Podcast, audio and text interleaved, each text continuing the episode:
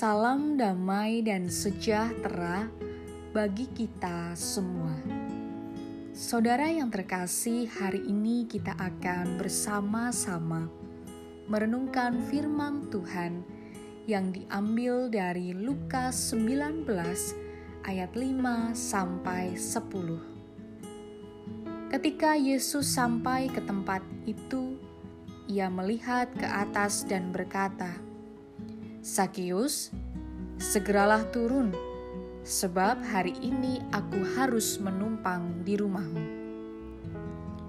Lalu Sakius segera turun dan menerima Yesus dengan sukacita. Tetapi semua orang yang melihat hal itu bersungut-sungut. Katanya, "Ia menumpang di rumah orang berdosa." Tetapi Zakius berdiri dan berkata kepada Tuhan, "Tuhan, setengah dari milikku akan kuberikan kepada orang miskin, dan sekiranya ada sesuatu yang kuperas dari seseorang, akan kukembalikan empat kali lipat." Kata Yesus kepadanya, "Hari ini telah terjadi keselamatan kepada rumah ini." karena orang ini pun anak Abraham. Sebab anak manusia datang untuk mencari dan menyelamatkan yang hilang. Perjumpaan yang mengubahkan. Banyak orang Kristen yang hidupnya belum mengalami perubahan, masih sering melakukan kejahatan, kecurangan, dan penindasan. Bisa jadi mereka belum mengalami perjumpaan pribadi dengan Tuhan, sehingga dalam doa dan ibadah mereka hanya sekedar kebiasaan atau kewajiban, sehingga tidak mengubah hidup mereka. Karena ketika mengalami perjumpaan dengan Tuhan, seharusnya membawa perubahan seperti yang dialami oleh Zacchaeus. Zacchaeus sukses di mata dunia, tetapi ada sesuatu yang hilang di dalam kehidupannya. Keterhilangan itu bukan hanya karena orang-orang Yahudi menjauhi dirinya dan menganggapnya sebagai orang berdosa yang bekerja pada penjajah, tapi juga karena ada kekosongan di dalam batinnya ia menyadari adanya keterhilangan itu, sehingga ia mencarinya. Ia mencarinya pada tempat yang tepat, yaitu pada diri Tuhan Yesus. Ia berlari, mendahului orang banyak, lalu memanjat pohon ara untuk melihat Tuhan Yesus yang pada saat itu lewat di situ. Rupanya usahanya tidak sia-sia. Tuhan Yesus menjumpainya. Perjumpaan Zakheus dengan Tuhan Yesus membawanya pada suatu pengakuan dosa dan pembaharuan hidup. Zakheus yang sebelumnya hanya tahu memperkaya diri dan tidak peduli kesusahan orang, kemudian diubahkan menjadi orang yang peduli kepada sesama berani mengakui kesalahan, dan mau berubah. Perjumpaan dengan Tuhan membuat Sakeus menyadari dosa, mengakui dosa, dan meninggalkan dosa. Itulah perubahan hidup yang terjadi. Maka, jika kita mengatakan bahwa kita orang percaya, maka seharusnya kita mengalami perubahan hidup. Jauh dari kejahatan, kebencian, penindasan, dan hidup dalam kebenaran.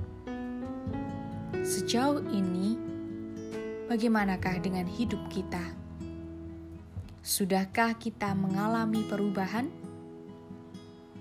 Oleh karena itu, selamat menghayati dan merasakan perjumpaan dengan Tuhan.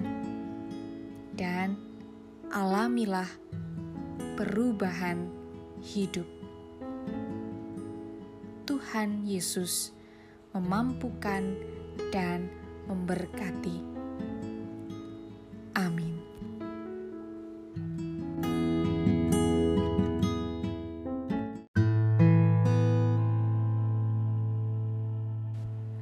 Salam damai dan sejahtera bagi kita semua.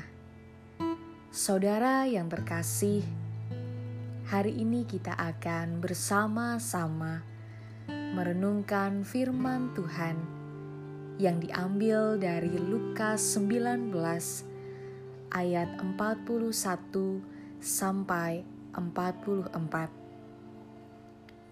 Dan ketika Yesus telah dekat dan melihat kota itu, ia menangisinya. Katanya, "Wahai betapa baiknya jika pada hari ini juga..." engkau mengerti apa yang perlu untuk damai sejahteramu. Tetapi sekarang hal itu tersembunyi bagi matamu. Sebab akan datang harinya bahwa musuhmu akan mengelilingi engkau dengan kubu, lalu mengepung engkau dan menghimpit engkau dari segala jurusan, dan mereka akan membinasakan engkau beserta dengan pendudukmu, dan pada tembokmu mereka tidak akan membiarkan satu batu pun tinggal terletak di atas batu yang lain, karena engkau tidak mengetahui saat bila mana Allah melawat engkau. Konsisten Yerusalem artinya kota damai namun tidak mudah mencari damai di sana. Herodes pernah bertahta dan ia memerintah pembunuhan bayi di bawah usia dua tahun. Karena ia takut kehilangan tahta. Bagaimana Yerusalem disebut kota damai? Kalau orang dapat dibunuh kapan saja. Yohanes Pembaptis mati dibunuh. Bahkan tidak hanya itu, di bait Allah pun tidak mudah menemukan damai. Ahli Taurat dan orang Farisi membuat aturan berkedok agama, tetapi dibuat demi kepentingan diri sendiri. Di dalam Yerusalem juga banyak orang yang mencari untung di bait Allah karena semua itulah Yesus menangis. Yesus menangisi ketidakkonsistenan Yerusalem yang katanya kota damai, tetapi kenyataannya jauh dari damai. Yesus menangisi kedegilan hati manusia yang masih saja tidak mau bertobat, sekalipun Tuhan Allah telah berulang kali memperingatkan mereka. Akan tetapi ia tetap gigih membuka jalan damai dan mengutus para nabi untuk mencari umatnya yang keras kepala. Saudara yang terkasih, Yesus menangisi Yerusalem yang tidak konsisten. Mungkin saja Yesus pun menangisi kita ketika melihat tingkah laku kita yang tidak konsisten. Yesus menangis ketika melihat kita tidak mampu membagikan damai kepada sesama. Lebih sering mengumbar cerita bohong dan merendahkan orang lain.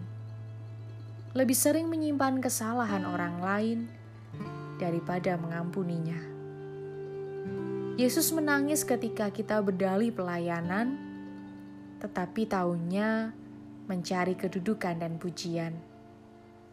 Yesus pun akan menangis ketika kita sibuk dengan diri sendiri, lupa memperhatikan sesama.